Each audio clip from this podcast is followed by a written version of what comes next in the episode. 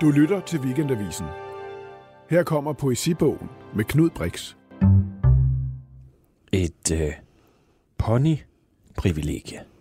Hvad er det, Molly Balsby? Jamen, for mig er det et forsøg på at begreb, begrebsliggøre nogle, nogle ting, jeg i hvert fald har undret mig over. Ja. Øh, et forsøg på sådan at legitimere det feminine. Ja. Øhm, og kunne ligesom øh, lave et begreb, hvor at det feminine kan indeholde mange aspekter øh, i forhold til, hvordan man normalt anser det feminine. Ja. Øhm, som jeg også skriver i bogen, at det også kunne være cute og hardcore på samme tid. Ja, At det, det, cute og hardcore. Ja, Ja, det er jo ellers sådan lidt øh, hinandens modsætninger, ikke? jo. Ja. Jo, præcis, og det er et ekstremt sådan, modsatrettet begreb, og jeg bruger det meget igennem bogen på forskellige, i forskellige former. Ja. Og jeg tror også selv, at jeg nogle gange er i tvivl om, hvad det helt præcis betyder, Det fordi behøver- det ude har udviklet sig meget igennem bogen. Det behøver man jo heller ikke at vide, men, men, øh, men ponyen altså. Ja, Hvor fanden kommer det fra? Jamen, jeg tror, jeg blev interesseret i den sådan, kulturelle betydning, ponyer har haft, Ja. når man kobler det til det feminine. Øhm, altså i populærkulturen i forhold til My Little Pony, glansbilleder, øh, mange unge pigers forhold til heste. Ja. Øhm, fordi at, at hesten rent historisk har haft en vigtig betydning øh, som et lastdyr og som et ridedyr, men den her pony har altid været underlig, Ja. fordi den ligesom ikke kan de ting, men alligevel har en, en stor betydning for mange. Øhm, og så også, at, at jeg ligesom også sammenligner sig selv med den her pony. Ja. Øhm, Og man får jo, altså, øh, lad os tale mere om det, men man får jo pony for alle pengene. Altså, øh, helt fra, fra det første digt. Vil du ikke øh, øh, læse øh, det første digt i ponyprivilegiet op? Jo. Jeg kommer her med min ponykrop, skabt til at skabe. Lille dværggud, hvad kan du kræve af mig? Hvad er mine privilegier? Mit hjerte er kun en meget lille ting i verden, men dyrene har mange privilegier. Katastroferne er hele tiden nærværende i mit menneskeliv. Jeg har aldrig levet i en global fredstid, men dyrene dør også i den kommende atomkrig. Gid jeg var en lille pony. Gid jeg var den perfekte all-around pony. Gid jeg havde et hjerte af guld. Gid jeg var forsigtig i springning. Gid jeg var en billedsmuk og alsidig pony. Gid jeg var utrolig fleksibel og villig. Gid jeg var en udulig lille hest. Ponyprivilegiet er hver gang nogen udnytter deres svagheder til en fordel. Ponyprivilegiet er at kunne være cute og hardcore på samme tid. Ponyprivilegiet er, når jeg undskylder for mig selv, og I godtager det, som om det er gyldigt. Ponyprivilegiet er, når jeg siger, jeg har bare skrevet denne her lille bitte bog om heste. Hyp hyp, motherfuckers, hyp hyp. Ja. Hyp, hyp. altså, et privilegie og en pony i poesi. Altså, øh, øh, hvordan fanden kan du næsten finde på det? Øhm, altså, det- hvordan det- jeg har fundet på det? Nej, jeg mener bare, Ja. at der er jo sådan et eller andet, altså det er jo, øh, det er jo, det burde jo ikke kunne lade sig gøre. Altså, øh, den, burde, den står der og vakler, og man tænker, det, det kan ikke, altså, du smider jo noget ind i poesien, som, som på en eller anden måde øh, er en humlebi, ikke? Altså, den kan ikke flyve, men det gør den alligevel. Altså, hvordan kunne du, kunne du mærke fra start, da du skrev det her, her var der et eller andet, eller hvordan, hvordan opstår sådan noget? Øhm, jamen, jeg tror, jeg, jeg havde skrevet nogle digte om heste. Ja. Øh, Har du selv haft en hest? nej, jeg kan ikke lide heste. Nej. Jeg kan, nej, jeg har aldrig reddet, og jeg kan ikke så godt lide heste. Det har faktisk været et problem i forbindelse med udgivelsen af den her bog, fordi mange journalister gerne vil have mig ud at ride. Ja. Øhm, Er du bange for dem? lidt, ja. Hvad er du bange for? Jamen, altså, jo, der, man, eller, sådan, man kan vel ikke være så bange for en pony, men de store heste er bare store, voldsomme ja. dyr. Jeg tror ikke, at sådan, jeg måske er så connected til naturen. Nej. Øh, Og jeg er, altså, jeg er også bange for, jeg, vil øn, jeg elsker at ride, men jeg er også bange for dem. Ja. Der er jo et eller andet, der er et eller andet skræmmende ved dem, ikke? Hvis man går bag ved dem, så er man bange for at få den der jamen, præcis. hov lige i smasken. Så du har taget noget, som du egentlig er lidt bange for, men er- er fascineret og ikke rigtig kender, og så vil alle trække dig ud til de der ponyer og taget billeder. Ja. Hvordan har det været? Jamen, det har været sjovt, eller det, det er sådan underligt, når man, når man skriver. Øh, jeg tror, mange begynder at skrive, fordi at de synes, det er svært at tale. Ja. Øhm, og så virker det, så når man så udgiver en bog, så ender man med at komme ud og skulle lave en masse meget underlige, ret grænseoverskridende ting, og det synes jeg er, det er sjovt også, men det er også meget underligt, når man har været vant til i så lang tid at sidde alene og arbejde. Det er jo meget ensomt at skrive. Øhm, og så bliver trukket ud på alle mulige rideskoler. Præcis. Du skriver det her, ponyprivilegiet er hver gang nogen udnytter deres svagheder til en fordel. Mm. Hvordan, hvordan er det et, et privilegium at udnytte en svaghed til en fordel? Jamen, det tror jeg, for mig handler det om at sådan, også at redefinere, hvad, hvad der er svagt, eller hvad der er en svaghed. Mm. Og ligesom kunne se, altså nu handler min bog også om, om køn, ja. øh, om at være kvinde og ja. at være pige. Ja. Øhm, så det handler også ligesom om at kunne, kunne redefinere det, der traditionelt set er blevet anset for måske at være svagt eller være piget. Hvad kunne det være? Jamen bare generelt det feminine, hvordan man er i det offentlige rum. Ja. Hvis man også er feminin, det bliver jo ofte, man får ofte at vide, sådan, at hvis du skal gøre det godt på en arbejdsplads, så skal du ligesom mande dig op og spille med drengene. Og sådan, og det, det tror jeg altid provokerer mig. Ja. At, så der er nærmest øh, en feminisme i det der med ponyen og privilegiet? Ja, helt klart. Ja.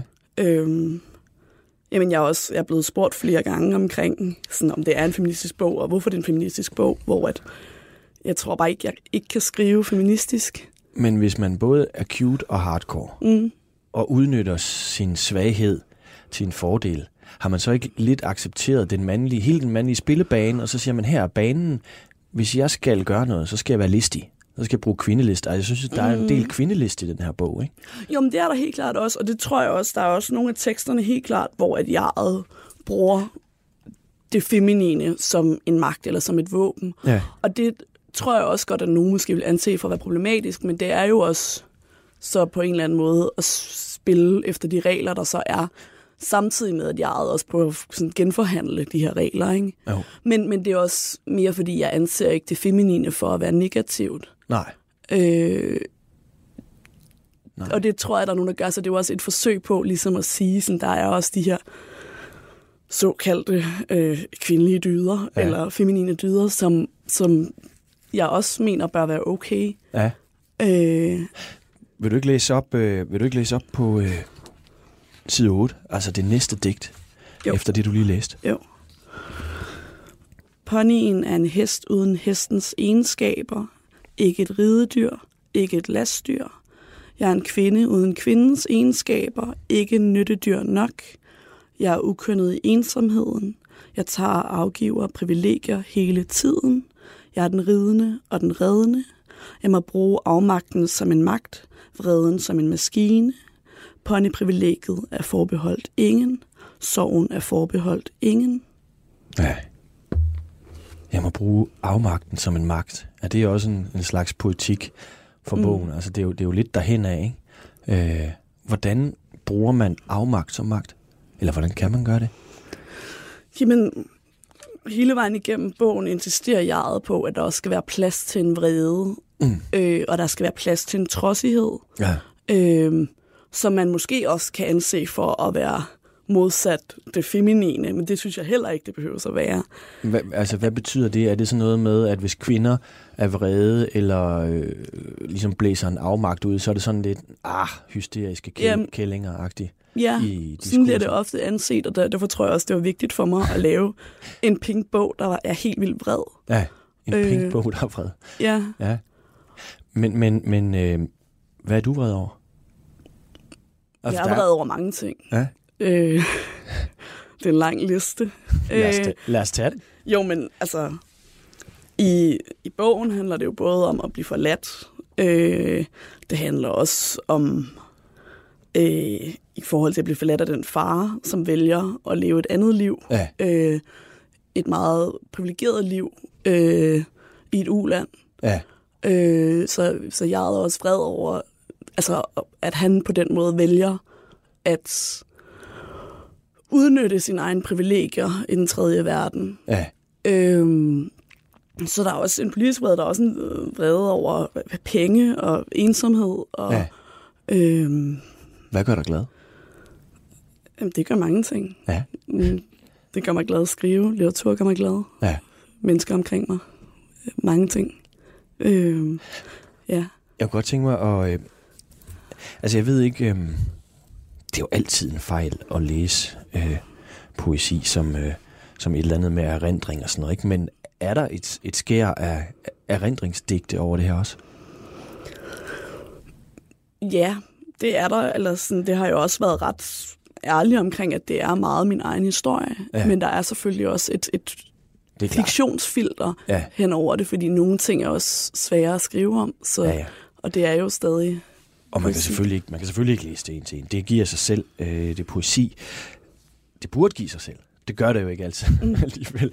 Men, men hvad er din historie egentlig, Molly? Altså, din far, Egon Balsby, er, er journalist, ikke? Og din mor var også journalist Mm, øh, på Weekendavisen og, og, ja. Og flere medier. Og din far flytter til Afrika, ligesom det foregår i- i bogen, eller, eller hvad sker der? ja, Ja. ja. Øhm, Hvor gammel var du der? altså, da han døde i Afrika, var jeg 18, Ja, øh, og han er begravet i Afrika. ja. Og Øh, nu er Kenya, du ikke? 27. Ja, ja, jeg bliver 27 om et par uger. Ja. Så han dør, da du er 18. Hvor gammel var han, da, da du, eller, eller hvor gammel var du, da han flyttede ned?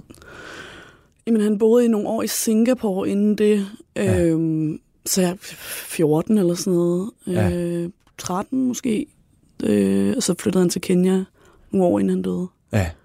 Og der er jo en... Skulle vi ikke prøve at tage et, øh, et digt øh, om, øh, om det? Altså, og hvordan jeg ligesom forholder sig til, at erfarne er, er flyttet til, øh, til Kenya. Jo. Han forlod Danmark for at genvinde sine privilegier i den tredje verden. Jeg blev altid forvekslet. Servicepersonale troede, jeg var hans kone. Jeg var 14. Høj og slank. De struttende bryster i en stroptop. De gav mig altid drinkskortet først. Skulle altid med ud og drikke med hans rige bekendtskaber. Allerede der lærte jeg at agere flirty over for mænd med magt. Allerede der blev jeg kynisk som en tyrkis swimmingpool. Senere giftede han sig med en kenyansk kvinde og flyttede til Mombasa. Hendes mor døde i et af de første al-Qaida-angreb i Nairobi i 98. Allerede der blev hun kynisk som solen. Hun var 11 år ældre end mig. Vi var begge opvokset privilegeret, men for at hun kunne bevare sine privilegier, skulle hun giftes, helst hvidt. Selvom de havde fire ansatte, en housemaid, en vagt, en kok og en gardener, insisterede hun på selv at vaske min fars underbukser i hånden. Det er konens job, et symbol på evig dedikation. Som barn gemte jeg min fars afklippede askehår i en plastikpose bagerst i et skab i vores sommerhus, som om jeg allerede der vidste, han ville forlade mig. Jeg fandt det mange år senere og blev frastødt af min barndoms sentimentalitet. Nu har solen og månen stigt mig hår. Ja. Altså... Øh, er, er du vred på din far i dag? Nej, det er jeg faktisk ikke. Øhm, nu, mange af de her tekster, det er også det, der er så underligt ved at skrive, at, at nogle af de her tekster, jeg har skrevet, da jeg var 19 og 20. Ja. Nu bliver jeg 27 her om to års tid. Det, det har været et langt forløb. Øhm, Hvad er der sket der? I forhold til dit, dit syn på... Det her er jo meget vredt. mm, jeg. Altså, det er jo helt vildt det der med, at der er en parallelitet i, øh, i faren, i bogens øh, kone, og så datteren, der kommer der ned. Ikke? mm, At de begge to har været privilegeret, men hun er nødt til ligesom at øh, både vaske underbukserne i hånden og øh, gifte sig vidt for at bevare privilegierne. Mm. Mens jeg måske har det kvæg sit rødbedefarvede pas. Ikke? jo, Øhm, øh, var du vred der, da du skrev det her? ja. Ja. Og hvad sker der så? Nu siger du, at du ikke er vred længere. Altså er det tiden, eller hvad får en til ligesom at... Om, eller eller har, Ja. det været det, har det været det at skrive det, der har gjort betydet noget? Øhm, jamen, det er selvfølgelig både tiden, at tiden, der er gået siden der, og, men også at skrive det. Man gennemarbejder jo også nogle ting, og, og det, jeg fandt ud af, var jo, at, at bogen ender jo også med tilgivelse Ja. og ømhed. Øhm, og det gjorde de første mange udgaver af bogen ikke. Nej. Øhm, jeg havde et meget langt forløb med mange forskellige forlag, Ja. fordi at flere af dem gerne ville have, at jeg skrev en happy ending. Ja. Og det blev jeg enormt vred over. Jeg var også nok mere trodsig dengang. Ja. Det, det ville jeg ikke, kunne jeg ikke arbejde med. Øhm, men så gennem årene endte jeg med, så, så skete det ligesom bare, at jeg kom til at skrive en, et, en form for forløsning øh, og tilgivelse ind i bogen. Det kom også overraskende for mig. Ja. Øhm, ja. Men det er vel sådan set rart, at der findes tilgivelse, ikke? Ikke i forhold til nødvendigvis litteraturen, men i forhold til, hvordan man er som menneske, ikke? Jo. Hvordan tror du, du har haft det med den, hvis du havde fulgt din intuition og bare lavet en hardcore bog uden tilgivelse? Når du. Øhm. rent faktisk har tilgivet i dag. Jamen, jeg er glad for, at den er ind på den her måde. Ja. Øhm, jeg tror, at, at, ja, at den måske ville have været et større problem for mig nu, hvis den ikke indeholdt den tilgivelse. Ja. Øhm, at, at jeg er glad for bogen. Øhm, og, og ja, jeg tror, det har været vigtigt for mig også at, Mm. at skrive det ind i det og også bevæge mig videre. Men det er jo også, når man arbejder på noget så lang tid, så udvikler man sig også sig selv. ja. Øhm, Hvordan kan man mærke det? Jamen, altså jeg synes tydeligt, jeg kan se, altså nu har jeg jo så også selv skrevet det og arbejdet ja. det igennem rigtig mange gange, i hvilke perioder de forskellige tekster er skrevet, ja. i forhold til også, ja. I forhold til det der med, tror du, der er en forskel på, om det er en mand eller en kvinde, der læser din bog? Øhm, ja, det tror jeg. Øhm, jeg har fået rigtig meget ret positiv feedback på den fra ældre mænd, ja. eller, eller mænd over 50. Okay. Øhm, Hvad siger de? Og også andre mandlige forfattere over 50, jamen, øh, de har bare sagt, at de godt kan lide temperamentet. Øh, Ja. ja, og at jeg talte også med en anden, også mandlig forfatter, der sagde, sådan, at selvfølgelig kan man også se noget af sig selv i det, når man er, selv er far. Ja, Øh, men... men, det, det oplevede jeg også. okay, ja, 100 procent. Og jeg ja. Kan også se, det der du skriver om privilegier, ikke? Altså vi mænd vil jo helst ikke tale om den der privilegieblindhed og de mm. der ting, der ligger i det der, ikke? Fordi så er man nødt til at tage et opgør, og det er jo aldrig rart, vel? ja. Men for eksempel det der digt, du har på side 23, øh, ramte mig. Øh, vil du ikke læse det op? Om min far husker jeg, han slæbte sin krop efter sig, som man hiver en stadig gammel hund i snor efter sig. Han talte om døden, som andre taler om sygdom, noget midlertidigt. Jeg skrev, jeg havde en far i Afrika, allerede før han døde. Allerede der slog jeg ham ihjel. Dødens grammatik. Jeg havde en far i Afrika. Han var en formålsløs vandrer, musungo, gik rundt og var elendig i et elendigt samfund, som jeg er elendig i et elendigt samfund. Ja. Ja, altså, jeg tror godt, jeg ved, hvad det er, der rammer mig. Det er fordi, man... Altså, det er det der med... Øh, der er flere ting i det, ikke? Jeg havde, altså, jeg havde en far i Afrika, er jo- er vel selvfølgelig en form for en hilsen til, til Bliksen, ikke? Øh, men, men det er jo mere det der med at være en formålsløs vandrer, ikke? Jo. Samtidig med, at man er en far og har et ansvar. Mm. Altså, det kender jeg fandme godt, det der. Og så også det der med, øhm, at, at man ligesom flygter, ikke? Jeg har nogle gange tænkt, når mine børn bliver voksne, så flytter du et eller andet sted hen. Altså, mm. jeg har nærmest tænkt, jeg tænkte, jeg, jeg kunne nærmest se mig selv i, i din far der, ikke? Så kunne jeg sidde mm. Med shoeser og mine privilegier og sådan noget, ikke? Ja. Det er lidt flovt, men, men, Ja. men, men det ramte mig. Selvom jeg jo ikke er overhovedet øh, midalderne. Øhm, og så det der med at slæbe sin krop efter sig og være sådan øh, og være en formålsløs vandrer, altså er det en mandlig ting, tror du? Øh, og så også Heart of Darkness klichéen, ikke? Du skriver, Mm. du skriver det der med, øh, lidt senere med, at din far efterlader et, et brev, øh, hvor han ligesom øh, siger, tilgiv mit mørke hjerte, ikke? Ja. som selvfølgelig er måske sådan en Joseph Conrad øh, Mm. hilsens, og så griner du helt vildt Ja. over den kliché, det jo er. ja. Vil du ikke læse det op? De begravede ham i Kenyas røde muld. Jeg kan sige, sorgen er som sand, som jord, som is. Jeg kan sige, solen stod hvid over jordfæstelsen. Men jeg ved det ikke. Jeg var der ikke. Sidste gang jeg så min far var i Mombasa kort før han døde. Dagen efter havde han efterladt et brev i receptionen på mit hotel. Tilgiv mig mit mørke hjerte. Herre Gud, hvor jeg grinte. Han kunne ikke have valgt en mere oplagt reference. Jeg vil aldrig kunne tilgive ham for at være så corny. Ja. Øhm, hvis man nu erkender sine privilegier, så lad os sige, at man erkender privilegiet, mm. det her er corny, og det er Heart of Darkness, og det er den vildeste store kliché omkring Afrika, ikke? Mm. at man kan tage ned, og så kan man få tab sig, alt det der. Ikke? Ja. Jeg har selv prøvet, og det er en fucking kliché. Men hvad er alternativet? Altså, skal man så bare lade være, eller skal man erkende privilegier, og hvad gør man så, hvis du skal lave... Altså lad være med at tage til Afrika? Ja. Eller hvis man nu har erkendt, at man er privilegeret, man er hvid, man er i Afrika, man, mm. mand eller kvinde, whatever. Mm. Og hvad fanden, altså hvad stiller man op med den der? Øh, man kan jo ikke rejse nogen steder så, hvad det vil sige, eller mm. gøre noget.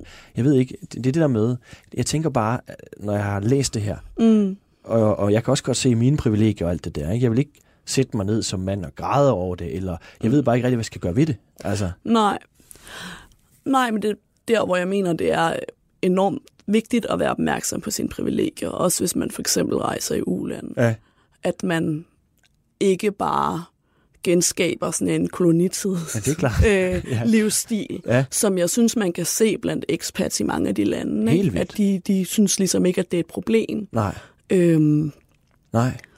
At leve det, det liv.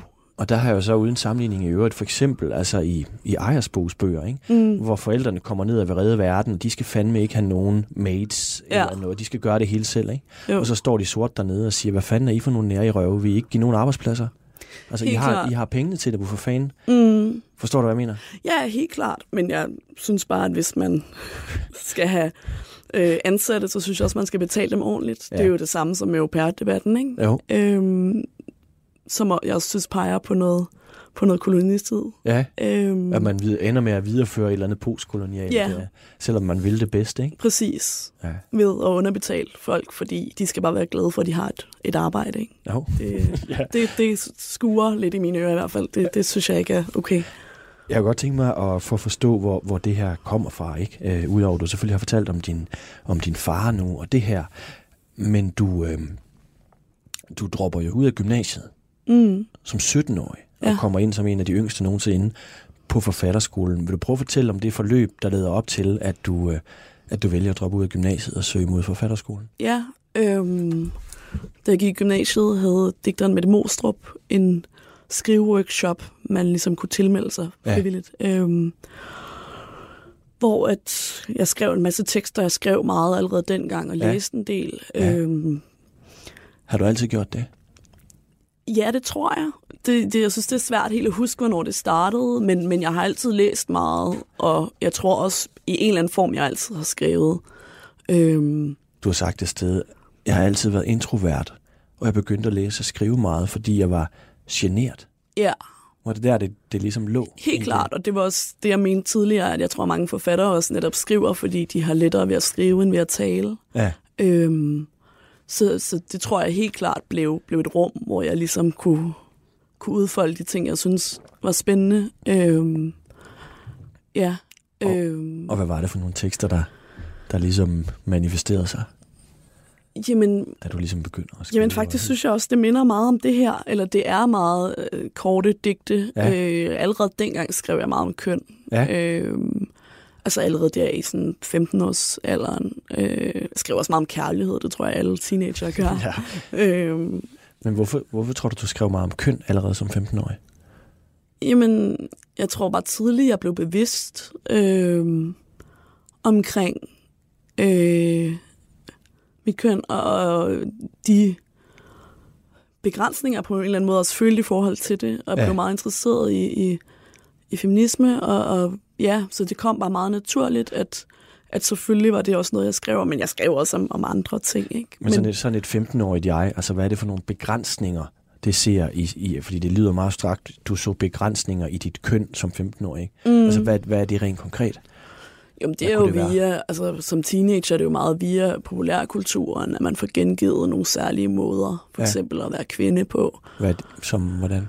Jamen i musikvideoer, i tv-serier, i, i film. Altså det der sådan lidt vulgære? Eller? Ja, både det vulgære, øh, ja det overseksualiserer, sådan i, da jeg voksede op der gennem nullerne, ja. øh, eller var teenager, der var der jo en ekstrem seksualisering af popstjerner, som jeg faktisk synes er blevet bedre nu. Okay. Øh, så der er mange af de, de moderne kvindelige popstjerner, der, der ligesom agerer på nogle andre måder. Øhm, så jeg tror, det påvirkede mig, og ja, og øh, de kvinderoller, øh, kvindelige skuespillere fik, og, og jeg tror bare, jeg blev meget opmærksom på det allerede der. Ja. Øhm, ja. Og, og, og, og derfra så de der ting begynder så ligesom at... øh, Du skriver, men, men prøv lige at fortælle noget mere om, hvordan du så... Så er du på den her skriveworkshop. Mm. Du, du melder dig til den, fordi du interesserer dig for at skrive. Du møder Mette Mostrup. Øh, hvad sker der så? Jamen, så er jeg ligesom en del af det forløb og, og giver en masse tekster, vi læser, og så siger hun til mig, og jeg kan ikke huske, om jeg var 16 eller 17 der, men så siger hun ligesom til mig, øh, jeg synes, du skal overveje at søge på fatterskolen. Ja. Og det tager jeg så meget bogstaveligt, og vælger så at droppe ud af gymnasiet for at gøre det. Ja. Øhm, og det har vi så grin af flere gange efterfølgende. Øh, at, at hun ligesom mente, jamen når du har færdiggjort gymnasiet, når du er blevet lidt ældre, men, men jeg Ja. tror, jeg var meget sådan trodsig, så var jeg sådan, fint, så tog jeg på højskole. Altså, du, og du droppede ud inden, at du var kommet ind på forfatterskolen, Ja. kan man sige. Ja.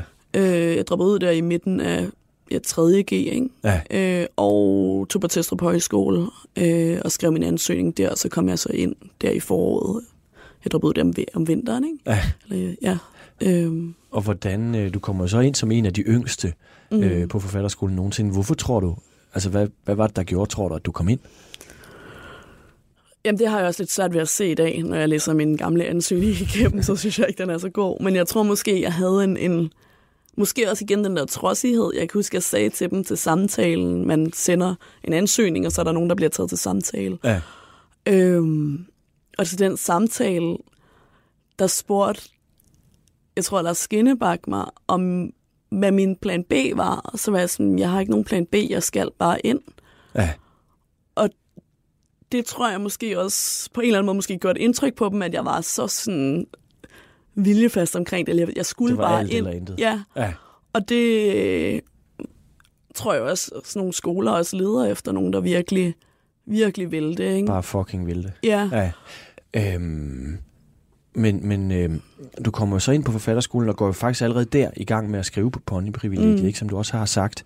Øh, men jeg kunne godt tænke mig lige at spørge dig, fordi du, du finder jo så ud af på et tidspunkt, måske var det ikke det smarteste alligevel at være droppet ud af gymnasiet, ikke? Og Mm. tager vel så nærmest en HF samtidig med, ikke? Eller Nej, efter. oven efter. Ja. Så tager du, går du tilbage og tager en HF, Ja. for så at søge ind på historiestudiet. Hvor, hvorfor gjorde du det?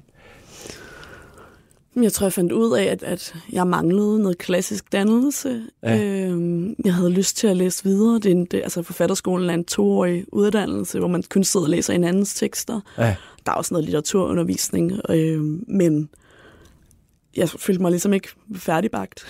det, øh, ja, jeg har været enormt glad for at gå på universitetet også. Ja, men det er jo en vild ja. ting, det der med, at du, du har noget at sige, du har en vrede, du vil noget, du vil mm. skrive, og så alligevel mærker du, jeg er ikke færdigbagt. Altså, hvordan fanden kan man mærke det?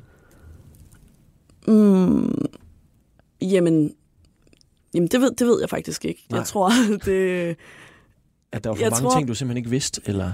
Ja, jeg havde lyst til at, at, at vide mere. Ja. Øh, og, og igen, det var også svært at få udgivet bogen, så jeg blev jo også nødt til ligesom at finde på noget at lave. Og så, ja. Så synes jeg, historie er et spændende fag. Øhm, Hvad, og hvad har det givet dig at, at læse historie? Mm, det har nok givet mig en, en bevidsthed omkring mange ting omkring historien, som jeg tror er vigtigt også, når man skriver, at man ved, hvad der ligesom kommer forud for sin egen tid. Ja. Øhm, Så man forstår, hvad man er rundet af og sådan noget. Ja, og så har jeg brugt de tre år, jeg så nu er jeg lige stoppet på min kandidat for at skrive min nye bog. Øhm, Du dropper ud igen? ja, det var bare, bare noget, jeg gør. Ja. Du, du dropper ud af din kandidat på historie. Hvorfor? For at skrive igen, siger du? For, for at skrive en, en roman, jeg arbejder på nu. Øhm, jeg kunne simpelthen ikke få tid til det hele. Nej. Øh, jeg var også nede med noget stress i efteråret, fordi jeg simpelthen bare øh, havde enormt meget arbejde i forbindelse med bogen. Og, Ja. øh, og samtidig har jeg gået på et universitet, hvor der bare hele tiden er blevet skåret og skåret og skåret. Øh, Okay. Så det er også en, en, jeg har også helt klart en kritik imod Københavns Universitet Ja. i forhold til, at jeg synes heller ikke, det er det mest ideelle universitet, og så tror jeg, at jeg tænkte, nu vælger jeg det, der, der Men virker der- mest. Så du, du, du debuterer som digter, begynder at læse historie, og nu er du ved at skrive en, en historisk roman. Ja. Ja. Hvorfor bliver, hvorfor bliver alle, hvorfor bliver alle digtere, øh, altså uden sammenligning i øvrigt, ikke? men mm. Asta Olivia Nordenhoff skriver en, en syvbinds, øh, Thijs Ørntoft er gået over. Altså, hvad, altså, jeg går ud fra, at du ikke ligesom er en eller anden plan, du har lagt, men hvad sker Nej. der for, at, altså, hvorfor har du lyst til romangenren? Øhm, jeg tror bare for et år siden, tror jeg, jeg tænkte, at jeg aldrig skulle skrive prosa. Jeg skrev lidt prosa på forfatterskolen, det synes jeg ikke var så vellykket. Mm. Øhm, så jeg tror bare, jeg tænkte sådan, så begyndte jeg lidt at skrive på nogle nye digte, øh, efter den her udkom, og så, det ved jeg ikke, så blev det bare til prosa. Nå. Øh, og så... Øh, så der sker ja. en eller anden... Altså, du, du skriver på noget, der er digte, og så udvikler det, der, det sig til øh, noget, som bliver til en roman? Ja, og så, så tror jeg bare lige pludselig blev mit sprog bare mere og mere prosagtigt, så virkede det mere... Øh, på en eller anden måde lige til at skrive prosa. Ja. Øh, jeg tror også, jeg var også lidt udtømt efter den her bog. Ja. Øhm, Hvorfor tror du, du var udtømt? Fordi du havde ligesom brugt af din egen historie, eller... Øh... Ja, både det, og så efter at have arbejdet på den i mange år, ja. øh, og haft den igennem nogle mange redigeringsprocesser, så der havde jeg også bare lige noget tid, hvor jeg slet ikke skrev, fordi jeg bare følte mig tom. Ja. Øhm, Men fra at du så har haft, du synes ikke, når du skrev prosa, så var det ikke særlig fedt, til det så ligesom, at det du gør nu, er der så også en angst forbundet med det? Eller? Helt vildt meget. Jeg, jeg føler, at jeg skal lære at skrive igen. Ja. På en eller anden måde, fordi at, ja, det, det er jo helt anderledes. Jeg sidder hele tiden og kører rundt mellem fortællerstemmerne. Jeg kan slet ikke lige sådan få styr på, hvordan man... Nej. Altså, hvordan, men jeg kan godt lide, jeg tror måske, kan jeg godt lide strukturen omkring at skrive prosa. Ja. Altså at have et narrativ og bygge de her personer op. Ja. Øh, og nærmest skemalægge det hele. Det tror jeg, det appellerede rigtig meget til mig, da jeg lige begyndte på det projekt. Ja. Og det er måske også med sådan at have en baggrund for universitetet. Det, det nursede et eller andet i mig, sådan strukturen omkring det det er jo altid, altid meget følsomt, det der med, når man er i gang med at skrive noget. For hvis man taler for meget om, så kan det ødelægge noget. Men vil du fortælle lidt om, hvad det er så for noget historisk, du skriver på? Øhm, ja. Kan du sige noget uden at ødelægge det, dybest set? Øhm, ja, jeg skriver om nogle øh, historiske begivenheder i 1966 ja. i Kalifornien, ja. hvor at øh, nogle psykoanalytikere begynder et terapiforløb på nogle nonner, Ja. Og så sker der sådan en kæmpe opgør i det nonnekloster, hvor mange af dem forlader klostret, og så de resterende bygger det om til noget helt andet, øh, til et spirituelt center. Og ja. øh, mange af de nonner har senere også været en, altså, været en del af sådan kvindefrigørelsen. Mange af dem er blevet sådan kønsforskere, altså akademikere senere og kunstnere. Ja. Og jeg synes, det var enormt spændende, øh, fordi jeg, jeg sad faktisk og skrev på noget andet omkring klostre. Øh, ja. Og så dukkede den der historie ligesom ned i mit skød, eller sådan, og så var jeg sådan, okay, jeg bliver nødt til at skrive om det her. Øhm, men igen, det er meget løst, og det er meget tidligt, og der går sikkert en masse år, før den bog bliver færdig, så jeg kan heller ikke sige så meget mere. Så jeg kan sige, at jeg vil gerne læse den. Jeg synes, at det lyder som fedt forlæg for en bog. Okay, det er jeg glad for. øhm, men det der med, hvis vi lige, altså jeg bliver sgu nødt til lige at, at gå tilbage til det der med privilegierne, ikke? Mm.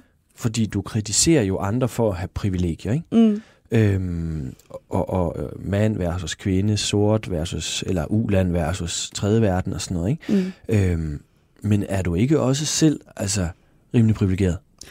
Jo, men det synes jeg også, der står i bogen, Ja. at jeg også tænker meget over sine egne privilegier Ja.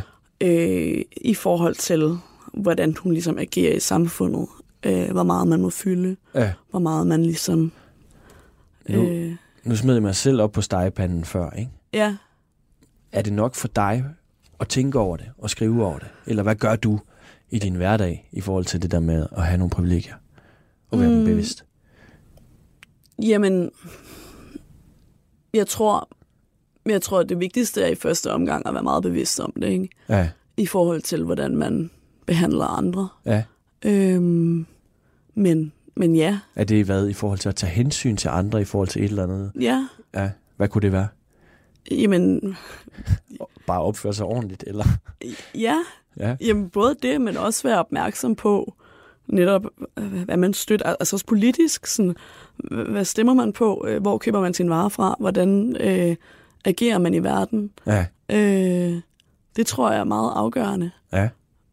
Men jeg tror også, altså første trin er jo først at være opmærksom på det. Og så er det jo et livslangt arbejde at forsøge at ligesom øh, leve op til de ting, der er blevet givet til en, og de privilegier, man har. Mm. Det bliver man jo nødt til hele tiden at arbejde på. Øh, Hvordan, hvordan lever man op til det? det tror jeg stadig, jeg arbejder med. Ja. At kunne finde ud af. Øh, ja. Men det er jo sjovt i det der med, at som forfatter har du selvfølgelig nogle privilegier. Det privilegiet, at folk lytter. Mm. At øh, kultureliten omfavner dig, man kan få legater og sådan noget. Ikke? Jo. Men hvordan er, altså i forhold til økonomi for eksempel, er det jo ikke nødvendigvis en privilegeret situation. Altså hvad gør du for at kunne være digter? Eller opretholde Ja. liv som digter og forfatter? Jamen i øjeblikket, der tager jeg alle de undervisningsjobs, jeg kan få. Underviser forskellige forløb på højskoler og gymnasier. Det er også enormt sjovt. Jeg synes, det er enormt fedt, så det er stadig enormt privilegeret at, Ja. at blive betalt for, for noget, som er enormt altså, spændende, og, og de der unger er altid enormt fede. Ja. Øh, så det, altså... Men jo, altså økonomisk, det er svært at overleve som forfatter Ja. i Danmark. Øh, så jeg, er vildt nervøs over det. Og omvendt, når man så har, hører om forfattere fra udlandet, når man så fortæller dem om de støtteordninger mm. og sådan noget, vi har, ikke? Helt klart. så ser de jo fuldstændig rådvilde ud, fordi det, what? Altså, Ja. kan man få penge for at skrive poesi eller et eller andet? Ikke? Mm. Så der er vi måske også... Men jeg føler mig sindssygt privilegeret. Ja, Altså, bare, altså, jeg fik legalt fra Statens Kunstfond sidste år, det er jeg helt vildt glad for, og det ved jeg er et- enormt privilegie, ja, at nogen også gider anerkende min bog, og gider læse den, og Ja. gider købe den. Det er, jeg, ja. Nu ved jeg godt, hvad det er, der irriterer mig ved, i forhold til min egen privilegier. Ikke? Mm. Det er, om det giver mig dårlig samvittighed. Okay, jeg har nogle privilegier. Skal jeg så have dårlig samvittighed over det? Eller hvad fanden? Altså, får du nogensinde dårlig samvittighed over det privi- privilegier, du har? Ja, det kan jeg godt få. Øhm, og det er jo også... Mm, nogle gange, når man kigger for eksempel på et sted som Forfatterskolen og Kunstakademiet, så kan man jo også godt se, hvems børn det er, der sidder der. Ja, Øhm, at der ligesom er øhm, et særligt segment, som ofte ender med at, at være sådan et sted ja, fordi man måske kan forstå de kulturelle koder på Ja. en måde. Og det, og, og det gælder selvfølgelig ikke alle. Øhm, der har også været masser på forfatterskolen, der ikke kommer fra en privilegeret baggrund. Jeg synes bare, det er enormt vigtigt, at kunstskolerne også er opmærksomme på, at at der er nogle af os, der har været enormt privilegerede nok. Altså også, jeg tror da også, jeg har fået litteratur med ind, altså via modermælken, ikke? Ja. Øh, fra det hjem, jeg kommer fra. ja, hvor både din mor og far er journalist, din far også forfatter, og han er jo Mm. sådan lidt en... Det er min mors, ja. Jamen, også forfatter, mm. og, og din far skriver jo også sådan lidt, øh, eller han er jo sådan lidt øh, hardcore, skaldesmækkende journalist, ikke? Han er på Mm. Weekendavisen Berlingske, hvor han skriver groft sagt. ja. Hvad tror du, han vil have sagt til øh, den her bog om, og den her privilegiesnak? Tror du, altså, hvad tror du, han vil have sagt? Øhm, ja, altså nu hele sådan diskussionen omkring sådan identitetspolitik og sådan noget, den eksisterede jo ikke rigtigt, dengang Nej. han levede, så sådan, det ved jeg ikke, men jeg tror, at han ville måske også være imod det. Altså, han var, vi var meget uenige politisk, øh, og meget øh, forskellige mennesker. Så havde han Øhm, sagt, det er noget pjat-agtigt. Måske. Ja. Ja. Men jeg tror også godt, at han bare kunne anerkende, når han syntes noget var, var fedt. Øh, jeg tror også, han var enormt stolt af bogen. Ja, Øh, ja. Det... Ja. Det, sådan noget er jo altid komplekst. jamen præcis. Og, og hvis og sådan- hvis min røv var spids, ikke? Man, ved det, jo- Præcis. man ved det jo ikke. Men du har jo gjort det. Og øhm, er du glad for det i dag? Altså lever den stadig for dig, eller, eller, eller dør den lidt? Øh, Øhm, øh, nu hvor den er sluppet ud i verden, den lille pony. Ja, jeg diskuterede det faktisk med min kæreste i går aftes, inden jeg skulle, eller sådan, fordi jeg ligesom forberedte mig til det her. Ja, Fordi at nu, det bogen er jo halvandet år gammel, Ja. øh, og jeg har arbejdet på den i fem år før det også. Ja. Øh, så altså, jeg, jeg er glad for den, men jeg føler også, at den har fået sit eget liv. ja, Øhm, og det er underligt for mig stadig på en eller anden måde at tale om den, fordi at, at noget af det er, altså nogle af teksterne er så gamle, og, øhm, men jeg synes lidt, den er ligesom er blevet sin egen. Øhm, og det kan jeg også se, når, når, når folk har læst den, så har de ofte et, et, et andet indtryk af den, end jeg har, og, og, og det kan jeg enormt godt lide, også når, øh, når folk bruger den på forskellige måder. De, de har også undervist i den ret meget ude på gymnasierne, har jeg hørt. Og det synes jeg også er fedt, at den bare sådan får et liv derude ja. i dansktimerne, øh, hvor jeg ikke ligesom har nogen magt over, hvordan den bliver læst. Øh, Så jeg tror ligesom, sådan, jeg har givet den lidt, lidt fremme. Øhm, Sluppet tøjlerne for nogle lige på en kliché. ja, ja, præcis. Øhm, prøv lige at høre. Nu øh, tvang jeg dig øh, til at læse nogle ting, som jeg synes passede til. Er der noget øh, til slut her, som du gerne vil læse op fra den? Altså nu har jeg jo ligesom øh, guidet dig Øhm, igennem. Øh, men jeg synes, vi på en eller anden måde skal slutte med noget, du, øh, du vælger fra øh, ponyprivilegiet. Men måske vil jeg gerne læse det sidste digt. Men det synes jeg da. Fordi nu har jeg talt lidt om, om tilgivelsen. Øhm, Det er en meget fin måde at slutte på. Øhm, så vil jeg bare sige uh, tusind tak, fordi du kom i Poesibogen. tak for invitationen. Og held og lykke med, uh, med romanen. Tak. Jeg elsker mine venners underlige fremmede kroppe, at servere mad for dem, man elsker, øse op med gavmild hånd, læse Walt Whitman hele dagen og derefter tage ud i natten, den underlige tid mellem nytår og resten af året, dage med ekstrem følsomhed, høre og se alt klare, derefter bedøvet igen, cykle missil hurtigt igennem vinterens klare dage og vende hjem med svine rosenkinder, sidde helt stille og mærke blodets susen, nervesystemets maskineri, organernes daglige drift, fantastiske krop. Min mor juler døden væk på sin kondicykel. Det er jeg taknemmelig for. Overnatte i sit barndomshjem og tænke, alle har haft en mor. At overvære et barn have en meningsfuld samtale med sig selv. Spise fire klementiner i decembernatten, ikke længes efter nogen. Pille det hvide net af frugten. Et fantastisk arbejde. Blive opmærksom på sin kropstemperatur og tænke, det der er den perfekte temperatur. Forelske sig, først i det fremmede, senere i det velkendte. Jeg samler mine hænder til en skål, der kan modtage kærligheden. Kærligheden er det største privilegium. Kærligheden er det største privilegium. Podcasten er sponsoreret af Maxus, som netop er lanceret i Danmark med 100% elektriske biler med moderne teknologi og højt udstyrsniveau. Find din forhandler på maxus-danmark.dk